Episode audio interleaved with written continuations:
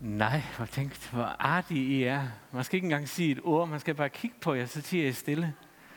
Hvem der havde sådan nogle børn? Hva? Jeg har glædet mig rigtig meget til at uh, tale her i formiddag. Og uh, de sidste par søndage, så har, som Johnny har nævnt det, har både Johnny og Jürgen Galonska været inde på emnet omkring helt ærligt. Og øh, man kan sige helt ærligt, mand. Ikke? Eller man kan sige helt ærligt. Og spørgsmålet er, hvordan du lægger vægten på det helt ærligt, om det bliver en hård sætning eller en blød sætning. Jeg håber, at det bliver en blød sætning. Og du mærker hjertet i det her, når Bibelen taler om helt ærligt. Og øh, min overskrift i dag, det handler om at være ærlig over for sig selv. Jürgen, han talte sidste søndag omkring at være ærlig over for andre. Johnny, han var inde på det her med at turde være ærlig over for Gud. Og hvis I ikke har hørt de der to øh, øh, forkyndelser, så vil jeg anbefale jer at gå ind på vores hjemmeside og lytte, fordi at, øh, det giver en god sammenhæng i alt det, vi siger her. Øh, ærlig over for sig selv, vil jeg nok påstå, det er nok en af de ting, der en gang imellem kan være rigtig svært. Fordi at øh, det er utroligt dejligt, hvis man ligesom kan proppe det over på de andre. Er det rigtigt? Det er meget nemmere, fordi så skal jeg ikke forholde mig til det. Øh, når jeg hører, eller har oplevet nogle igennem årene, nogle personer, som tordner imod et eller andet, også prædikanter og præster, og mig selv inklusiv, måtte jeg lige til at sige, har jeg fanget mig selv i, at det, jeg faktisk har prædiket imod, har været min egen kamp.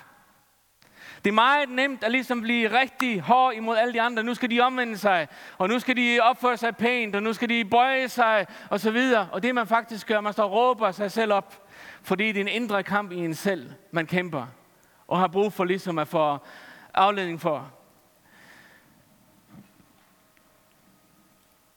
George Bush, en af USA's gamle præsidenter, han øh, sagde et udtryk på den her måde.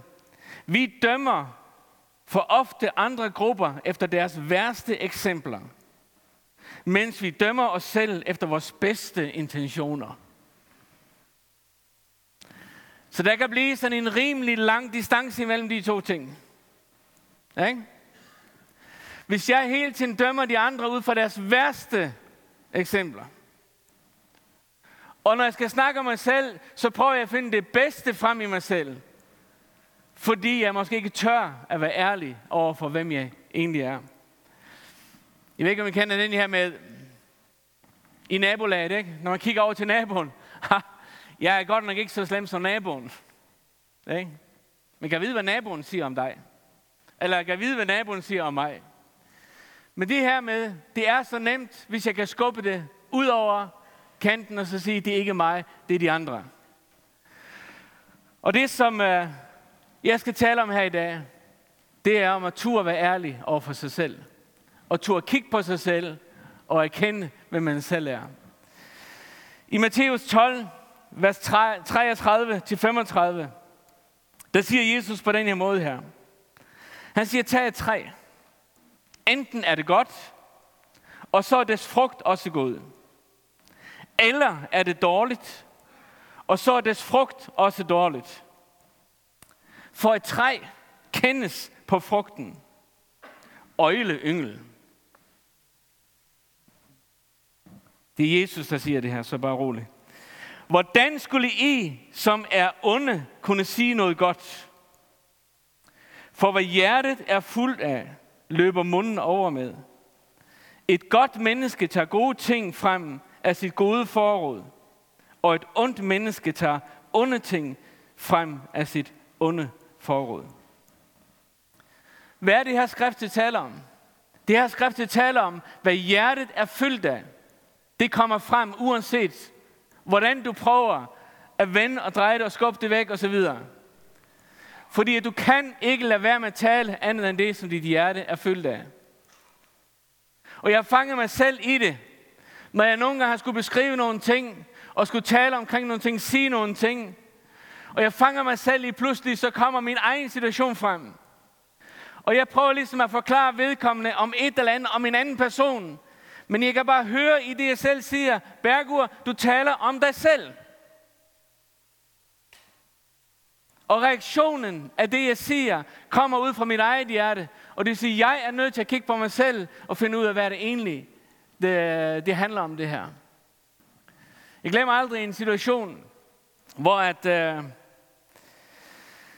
det var en præst, der skulle være i en øh, kirke og skulle starte som, øh, som, øh, som præst i kirken. Og på et tidspunkt, så, får jeg, så er der en, der fortæller mig om den her præst. Og jeg tænker sådan, øh, ha, det har jeg godt nok ikke tro for, sagde jeg. Jeg har godt nok svært ved at se ham i den der situation. Og faktisk så kunne jeg mærke sådan en lidt foragt over for den her præst. Og pludselig så hører jeg en stemme, der spørger mig, har du tænkt over, om jeg har tro for ham? Og det her, det ramte lige ind i hjertet på mig. Og jeg fik det så dårligt. Og ikke nok med det, så havde jeg siddet sammen med en og talt om den her person. Og jeg har sagt, jeg har godt nok svært ved at se ham der. Og øh, jeg tror ikke, det er godt for den kirke osv. Og den her person, jeg sad og talte med, han kigger bare på mig, og så siger han, jeg siger, ja, det ved jeg ikke, hvad jeg skal sige til. Gud har ikke vist mig noget i hvert fald. Når man, når man får sådan en tilbagemelding, så får, bliver man sådan lidt dårlig til mode, og får dårlig samvittighed. Og det har de arbejdet i mig. Jeg skulle tale i en anden kirke. Og når jeg stiller mig op for at tale i den kirke der, hvem sidder på øh, sidder blandt øh, tilhørende? Det gør den her præst og hans kone. Og jeg kæmper en kamp, for jeg kan mærke, at jeg har overtrådt nogle grænser i mit eget liv. Og føler mig skidt tilpas. Men så hører jeg en stemme, der siger, profeter over dem, hvor mægtigt jeg vil bruge dem. Og det var ikke nemt. Men jeg var nødt til at gøre det, og jeg kaldte dem frem. Og så begyndte jeg at profetere. Og hvad profeterer jeg? Alt det, jeg ikke havde tro for. Og alt det, jeg ikke mente, det var god til, det begyndte jeg at tale ind over den. Og så siger Gud til jer, jeg ser, hvordan jeg vil rejse jer op, og I skal blive brugt på den og den her måde, og så videre, og så videre, og så videre, og videre.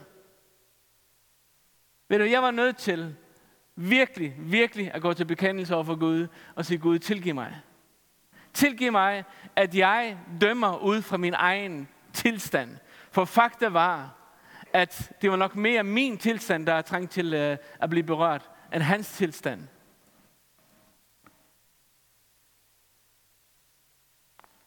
Der var en, som... Uh, det her med, at, at, at uh, Bibelen bruger begrebet det her at være død fra sig selv.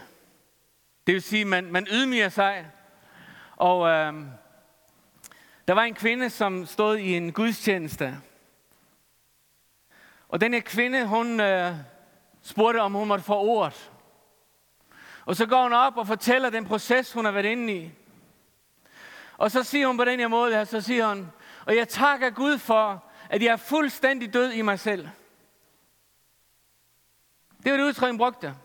Og det viste sig faktisk, at præsten nok havde sådan lidt svært ved hendes vidnesbyrd.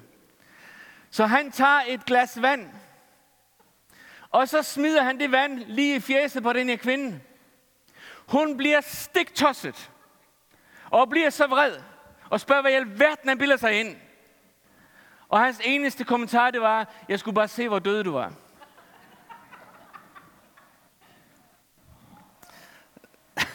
Bare rolig, jeg har ikke noget vand heroppe. Eller jeg håber heller ikke, du har. På et tidspunkt, da jeg var på bibelskole i Brande, for jer, som ikke ved, hvor Brande er, så er det Midtjylland. Det er det, der holder Jylland sammen. Og øh, jeg var på bibelskole i Brande. Og der på bibelskolen, vi ville jo gerne være rigtig åndelige, og vi ville være så brændende, og folk skulle mærke, hvor meget Jesus der var i os. Og en af de ledere, der var der, han hed Peter Madsen. Og det var faktisk ham, som øh, lukkede døren op for mig, så at jeg kunne komme fra Færøerne til Danmark. Og faktisk er en af, en af årsagerne til, at, vi, eller at jeg bor her den dag i dag. haft stor respekt for Peter. Men Peter, han var også sådan en ærlig person. Så en dag, hvor vi sidder og snakker sammen på bibelskolen der, så siger jeg til Peter, som det kom som dybt fra mit hjerte, tror jeg måske, hvor jeg så siger, Peter, jeg kan simpelthen mærke, at, at jeg, jeg er intet i mig selv. Og Peter, han kigger på mig, siger han, nej, det har du fuldstændig ret i. Du er intet i dig selv. Og jeg blev så fornærmet. Jeg blev så fornærmet. Og jeg tænkte, hvad bilder han sig ind? Ikke? Indtil jeg bare prøvede at tænke tilbage igen, hvad er det egentlig, du selv har gjort? Du har selv stillet dig frem og prøvet at være sådan rigtig ydmyg. Og fortælle, at åh, jeg er indtil i mig selv. Han gav mig bare ret. Og ved du hvad, sådan nogle mennesker takker jeg Gud for. Hvorfor? Fordi de hjælper en til at turde være ærlig over for sig selv. Og man begynder at mærke efter og tænke efter, hvor er jeg egentlig selv i mit liv? Fordi det er så nemt at tage det, og så skubbe det over på de andre. Men det er altid svært, når det rammer en selv. Det er en, der har sagt det sådan her. Ærlighed gør mig sårbar. Men vær ærlig alligevel. Jeg tror, ærlighed har en enorm kraft i sig til at sætte dig fri. Den ene overskrift, som jeg har valgt at tage med i dag, det er at finde din egen ro. Jürgen Galonska, han talte sidste søndag om, at hvis jeg skal kunne være ærlig over for andre, må jeg først kunne være ærlig over for mig selv. Også det her med at kunne hvile i sig selv. Der er en, der sagde det på den her måde her. Når jeg går ud af min dør om morgenen, så tager jeg en maske på. Jeg kan egentlig også godt lide den maske. Fordi den skjuler min usikkerhed, min tristhed og alt det, der ikke er så fedt. Tror du, at den her person føler sig fri? Tror du, vedkommende inderst er glad for den her maske? Det tror jeg ikke. Fordi at den her maske, hvad er det? Det er en flugt. Et sted, hvor man prøver ligesom at komme på afstand af tingene. Men det her med at ture blotte sig selv, og ture være ærlig over for sig selv, og ture lægge tingene ned foran andre, og være ærlig, vil jeg våge at påstå, at det er den største vej til frihed, du kan opleve. Jeg har haft kampe i mit liv, kan jeg fortælle dig. Og jeg har haft kampe, hvor jeg, hvor jeg måtte krybe til korset og erkende ting, jeg kæmpede med i mit liv. Og stod der og var pinligt berørt over at fortælle noget af de dybeste, dybeste konflikter og kampe ind i en. Og så bare opleve at blive mødt med tilgivelse og forståelse og en følelse af frihed. Ved du hvad? Det er noget af det mest befriende, et menneske kan opleve. Det at kunne sige, sådan er jeg. Det er en fantastisk gave, Gud han giver dig. Og det er sådan et fællesskab, jeg drømmer om, at vi altid må være. Et fællesskab, hvor man tør at være ærlig, og tør at blotte sig selv. Og jeg vil også våge den påstand. Hvis ikke du får gjort op med det, og på en eller anden måde får, får, får bugt med den der, hvad skal man sige, lukkethed, så påvirker det din måde at tale på. Det påvirker din måde at reagere på. Det påvirker din måde, når du er sammen med andre mennesker. Jeg har selv haft konflikter og haft det utroligt svært. Jeg husker mine unge teenager, nogle gange når vi sad i et selskab. På en eller anden måde, så befandt jeg mig selv rigtig mange gange, hvor at jeg skubbede mig selv væk fra selskabet. Og det var ikke fordi, at selskabet ikke ville have mig. Men mine kampe fyldte så meget. Og det fyldte så meget i samtalen, at det var faktisk tungt at have mig siddende i det selskab. Jeg havde faktisk nogen, som nogle gange overvejede, altså de skulle, de skulle ligesom mærke efter de ord, de sagde. For de vidste, at hvis de sagde bare en lille smule forkert, så brød jeg sammen, og så blev jeg ked af det, og så løb jeg ud af lokalet. Det var ikke deres problem, det var mit problem. Og den der kamp, og den der, hvad skal man sige, øh, åbenhed, som jeg taler om her. Jeg tror på, den største sejr og den største genbrug, du kan opleve, det er at turde lukke den dør op og lade ærlighed komme frem.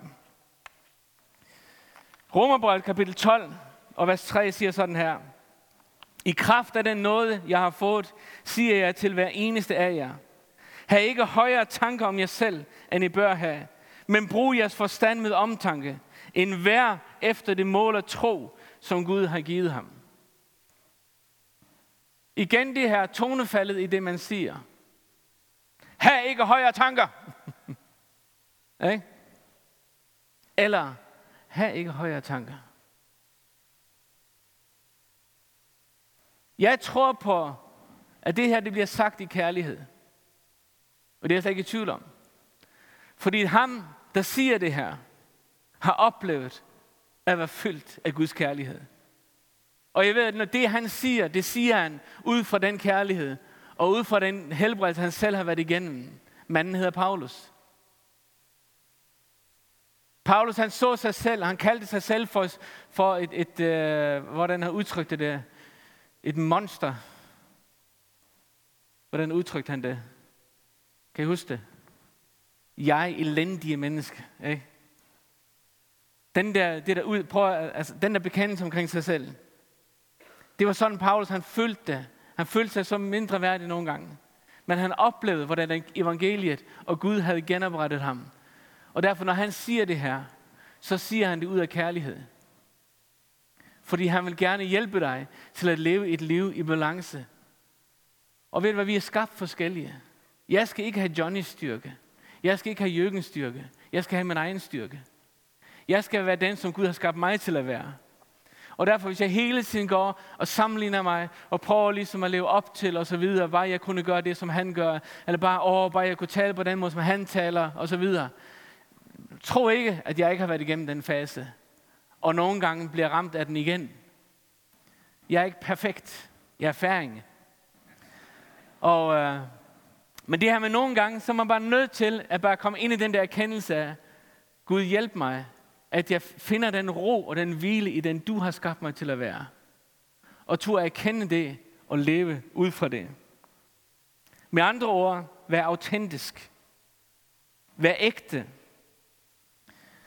Personligt så trives jeg bedst sammen med mennesker, som tør at være autentiske og ægte. Det er så befriende at snakke med dem. Og ved du hvad? Du behøver ikke at være supermand. Det gør ingenting, at du ikke er så stærk, som du nogle gange prøver at udtrykke. Det er også okay at vise svaghed. Det er okay at vise, at det her magter jeg ikke. Det kan jeg ikke. Det har jeg ikke kvaliteter til. Det har jeg ikke ressourcer til. Det er jo ikke et nederlag. Det er en erkendelse. Og ved du hvad, det er så dejligt at snakke med sådan nogle mennesker. Og ved du hvad, de er så nemme at være i hus med. Amen. Wow. Hvad? Prøv at kigge på din side, mand, og så sige, hvor er det godt at sidde sammen med dig. Hvad?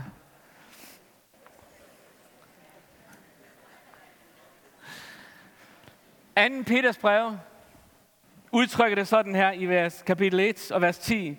Derfor, brødre, skal I arbejde med endnu større iver på at befeste jeres kaldelse og udvælgelse. Gør I det, vil I aldrig snuble. Og da jeg læste det her, så så, så jeg igen det samme i forhold til det med høje tanker omkring sig selv, at man bør have. Hvad er det, han siger? Han siger, arbejd på din kaldelse. Vores første kaldelse, det er at blive børn af Gud. Vores første kaldelse, det er at komme ind og have fællesskab med Gud, og leve i det fællesskab. Og det næste, det er kaldelse, det er, at vi finder os selv, og den person vi er, og den Gud har bestemt os til at være. Ved du hvad? Du er unikt skabt af Gud. Han har en kæmpe plan med dit liv.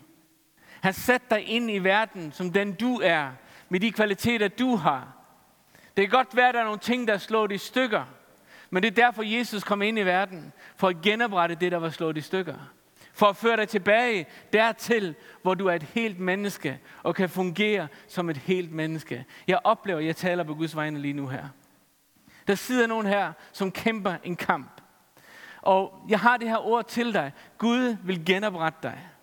Der er intet af det, som har været med til at slå dig i stykker, der har været Guds plan nogensinde. Aldrig nogensinde. Gud kom ind i verden for at hele dig, for at genoprette dig, fordi der var noget, der havde slået dig i stykker. Og det var, du må aldrig lade den tanke komme ind, at Gud slår mig i stykker, for jeg skulle blive ydmyg. Gud slår ingen i stykker. Aldrig nogensinde. Han kom ind i verden for at genoprette verden. Djævlen kom for at slagte ødelægge. Jesus kom for, at I skulle have liv. Så tag det her ind i dit liv i dag. Og det kan godt være, at du kæmper med nogle følelser i øjeblikket. Men jeg vil love dig, giver du Jesus plads og rum i dit liv, så vil han genoprette dig fuldstændig. Og du skal få lov til at fungere som et helt menneske. Amen. Det her med at være ærlig over for sig selv, betyder det, at jeg skal dele alt med alle? Nej, overhovedet ikke. Men jeg tror, det er godt at have nogen, man kan dele alt med.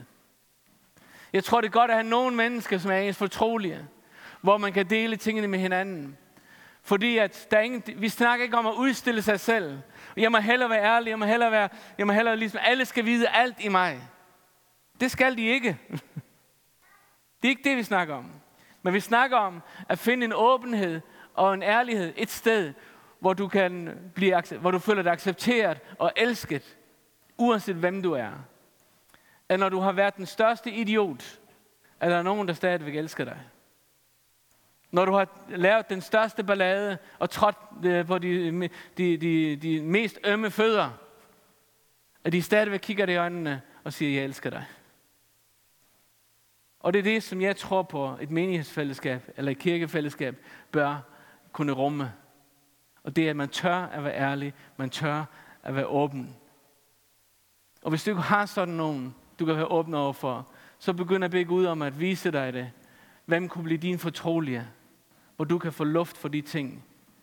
Ved du hvad, hvis jeg ikke fandt sådan nogle mennesker, jeg ved simpelthen ikke, hvor jeg ville have været i dag. Hvis ikke jeg fandt nogen, hvor jeg kunne være fuldstændig gennemsigtig ved, og fortælle, det her, det er bergur. Det kæmper bergur med. Og ved du hvad? Og så med kærlighed, accept bagefter. Det er fantastisk. Min tanke var, dengang jeg åbnede mig, det er ikke engang løgn, det var slut i alt, hvad der hedder kristen fællesskab mere.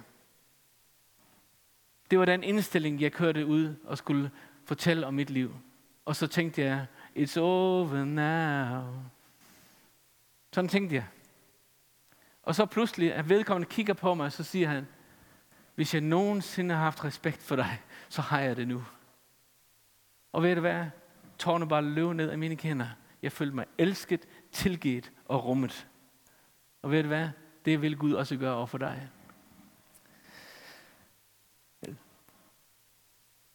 Det næste, jeg gerne vil sige lidt omkring, og så vil jeg prøve at lande min prædiken her i dag, det er at finde fred i relation med andre. Jo mere du finder egen ro, vil du finde, øh, jo mere ro vil du også finde sammen med andre. Um, jeg har også tænkt den her tanke, jo mere ærlig jeg tør være over for mig selv, jo større taleret har jeg ind i andres liv. Fordi hvis jeg tør at blotte mit liv, det gør også, at jeg også langt mere større formodighed kan tale ind i andres liv. Og det handler ikke om at gå ud og pege fingre, men det handler om, at ser jeg nogen, hvor jeg kan være noget for, det giver mig en langt større frimodighed og en langt større, hvad skal man sige, fred i at kunne sige, hvad jeg føler, hvis der er nogle ting, som, som jeg har brug for at sige til vedkommende. Der står sådan her i Matthæus 5, vers 23-24. Når du bringer din gave til alderet,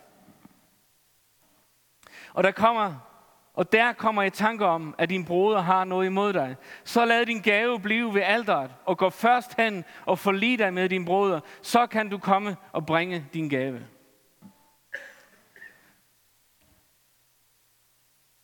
Hvem skal sige undskyld? Han har gjort det over for mig. Derfor vil jeg ikke nej. Hvem er det, der skal sige undskyld? Jesus han udtrykker det på den her måde her, at hvis du kommer i tanke om, at der er nogen, der har noget imod dig, og du faktisk er på vej i kirke til at lovprise og med til at give, og du vil gerne, og så videre. Ikke? Alt er dejligt, halleluja. Og du får øje, han sidder dernede, eller hun sidder der. Hvad er det Gud siger? Jeg er mere interesseret i din relation med den person, at den er helet, end at du smider nogle penge i offerkurven, Eller at du offrer på en anden måde, eller giver på en anden måde. Hvorfor? Fordi at det holder dig i bundethed. Så nogle relationer, hvor man ikke, ikke frit kan mødes, ikke frit kan kigge i øjnene, og når man ser vedkommende gå ud af den dør, jamen så vælger jeg den dør. Det her med at ture at få gjort op med tingene. Og Gud siger, det er det vigtigste for mig. Hvorfor? Fordi vi er et læme. Vi er hans kirke. Vi er det sted, der skal rumme Jesus Kristus med alt det, han indebærer. Og han er, i, han er sammen med os her. Han virker igennem os her. Så derfor, det betyder meget for Gud, at du får bragt de her ting øh, hvad skal man sige, i orden. Og får skabt en god relation. Det kan godt være, at vedkommende har trådt dig på foden. Det kan godt være, at det er vedkommendes fejl, osv. Men det skader ikke at gå hen og så sige, jeg har simpelthen brug for at sige undskyld. Jeg har brug for at snakke med dig. Jeg kan mærke, at vi kan ikke kigge hinanden i øjnene. Kan vi ikke få gjort det her op? Og har jeg gjort noget, som, som har såret dig, så vil jeg gerne have lov til at, at uh, snakke ud om det. Og få luft. Fordi vores retfærdighedssans, den siger nej. Han gjorde det, og så skal han også have lov til at komme til mig. Færdigt. Ikke? Tænk, hvis Jesus sagde det på korset. Han gav sig selv, offrede sig selv fuldstændig, ubetinget, for hver eneste menneske på den her jord. Og han pegede ikke én finger. Der står faktisk, at i det, der var, det han, i, i det han så, der ville komme, står det i Hebræerbrevet, så holdt han korset ud. Hvad var det, han så? Det var genoprettelsen. Det var lægedommen. Det var, det var menneskets øh, relation til ham, der blev genetableret.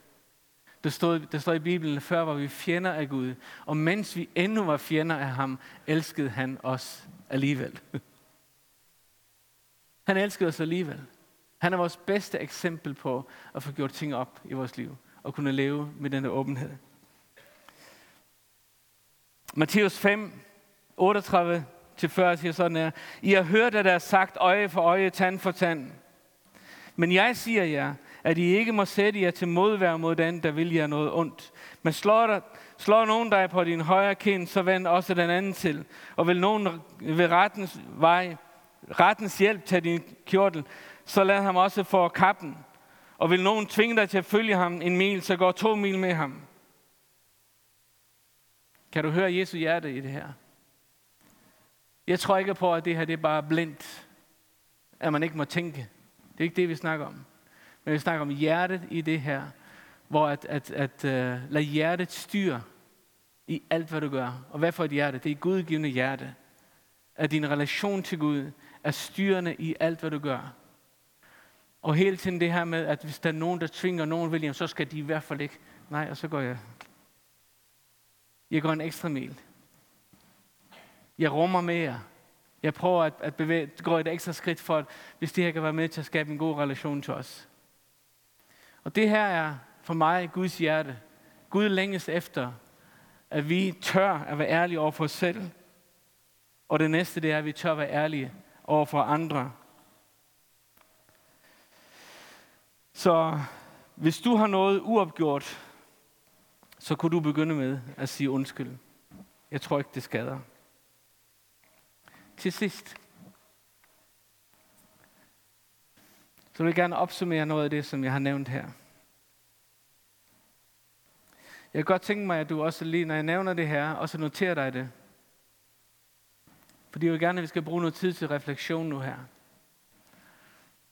Det kan være, at der er nogle ting, som hvor du har brug for at bede ud om, visdom til, hvordan du får den her relation genoprettet. Der kan være så mange ting. Det kan være brudte relationer mellem børn og forældre. Brudte relationer mellem ægtefæller. Brudte relationer mellem søskende.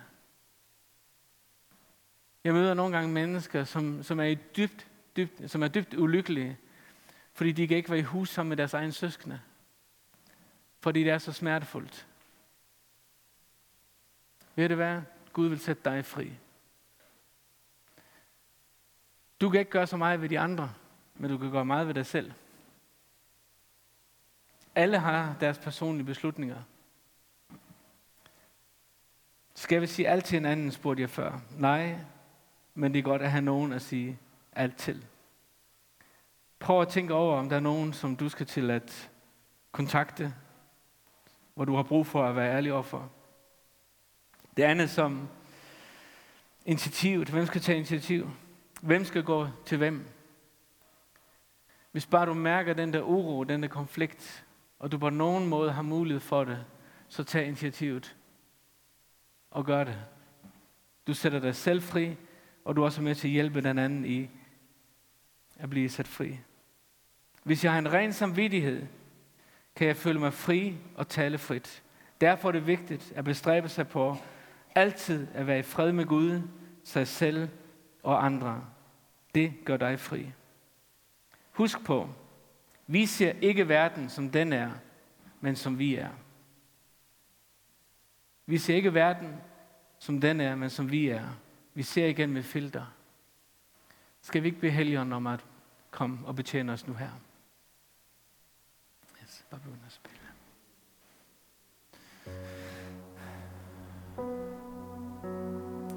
Far, jeg takker dig for dit nærvær.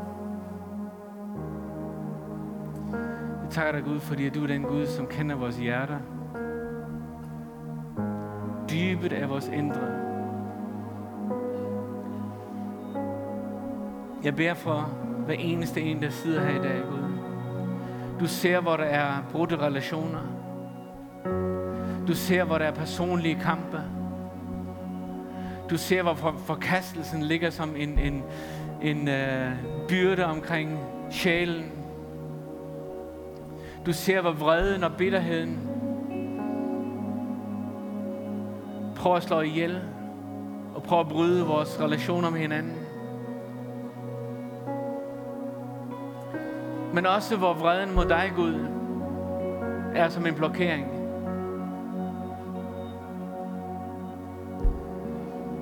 Hvis du er her for, det kan være det første gang, du er trådt ind i sådan en kirke.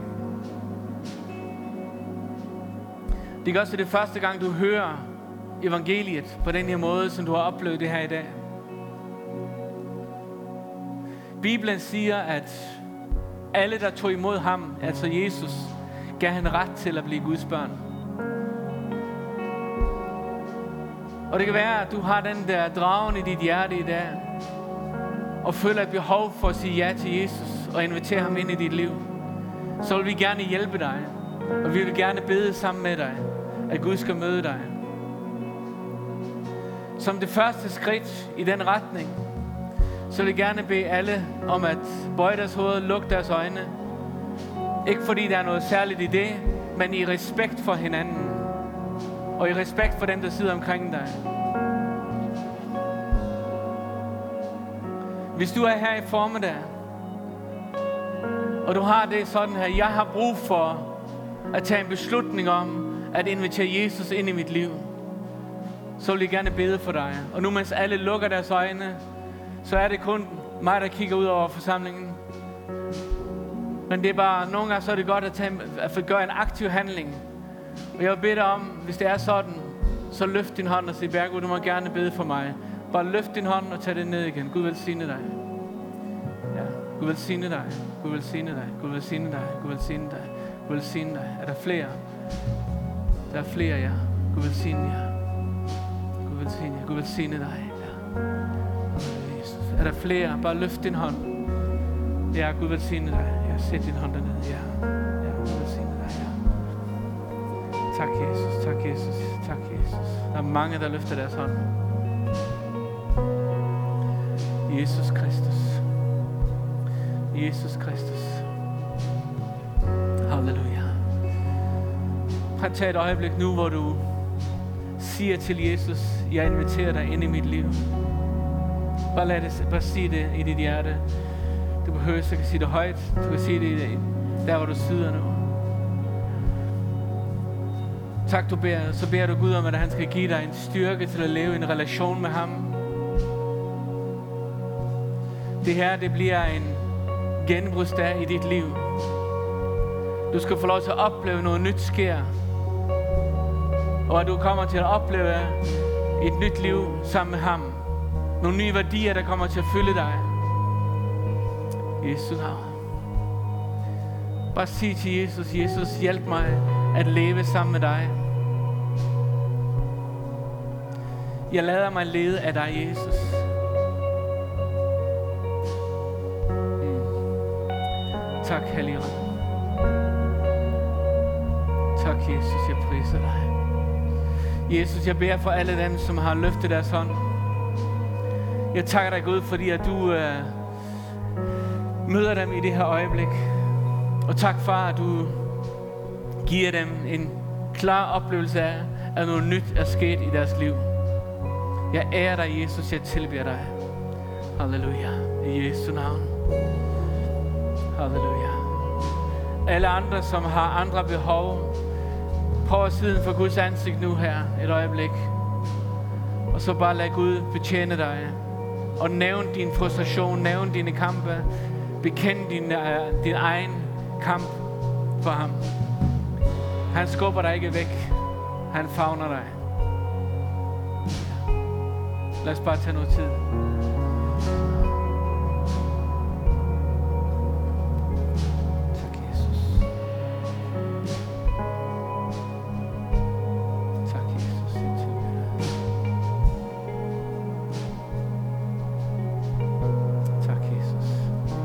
Tak, Gud, for. Tak for genoprettelse. Jeg tilbeder dig, jeg ærer dig. I Jesu Kristi navn. Jeg takker dig, Gud, fordi vi som menighed, som fællesskab, må turde være helt ærlige. På alle fronter over for dig, over for hinanden og over for os selv. Beder jeg om i Jesu navn.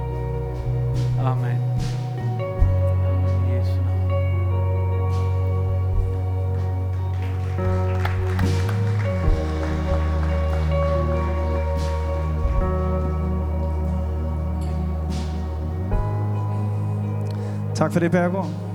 Det var da helt ærligt godt. Vi er ved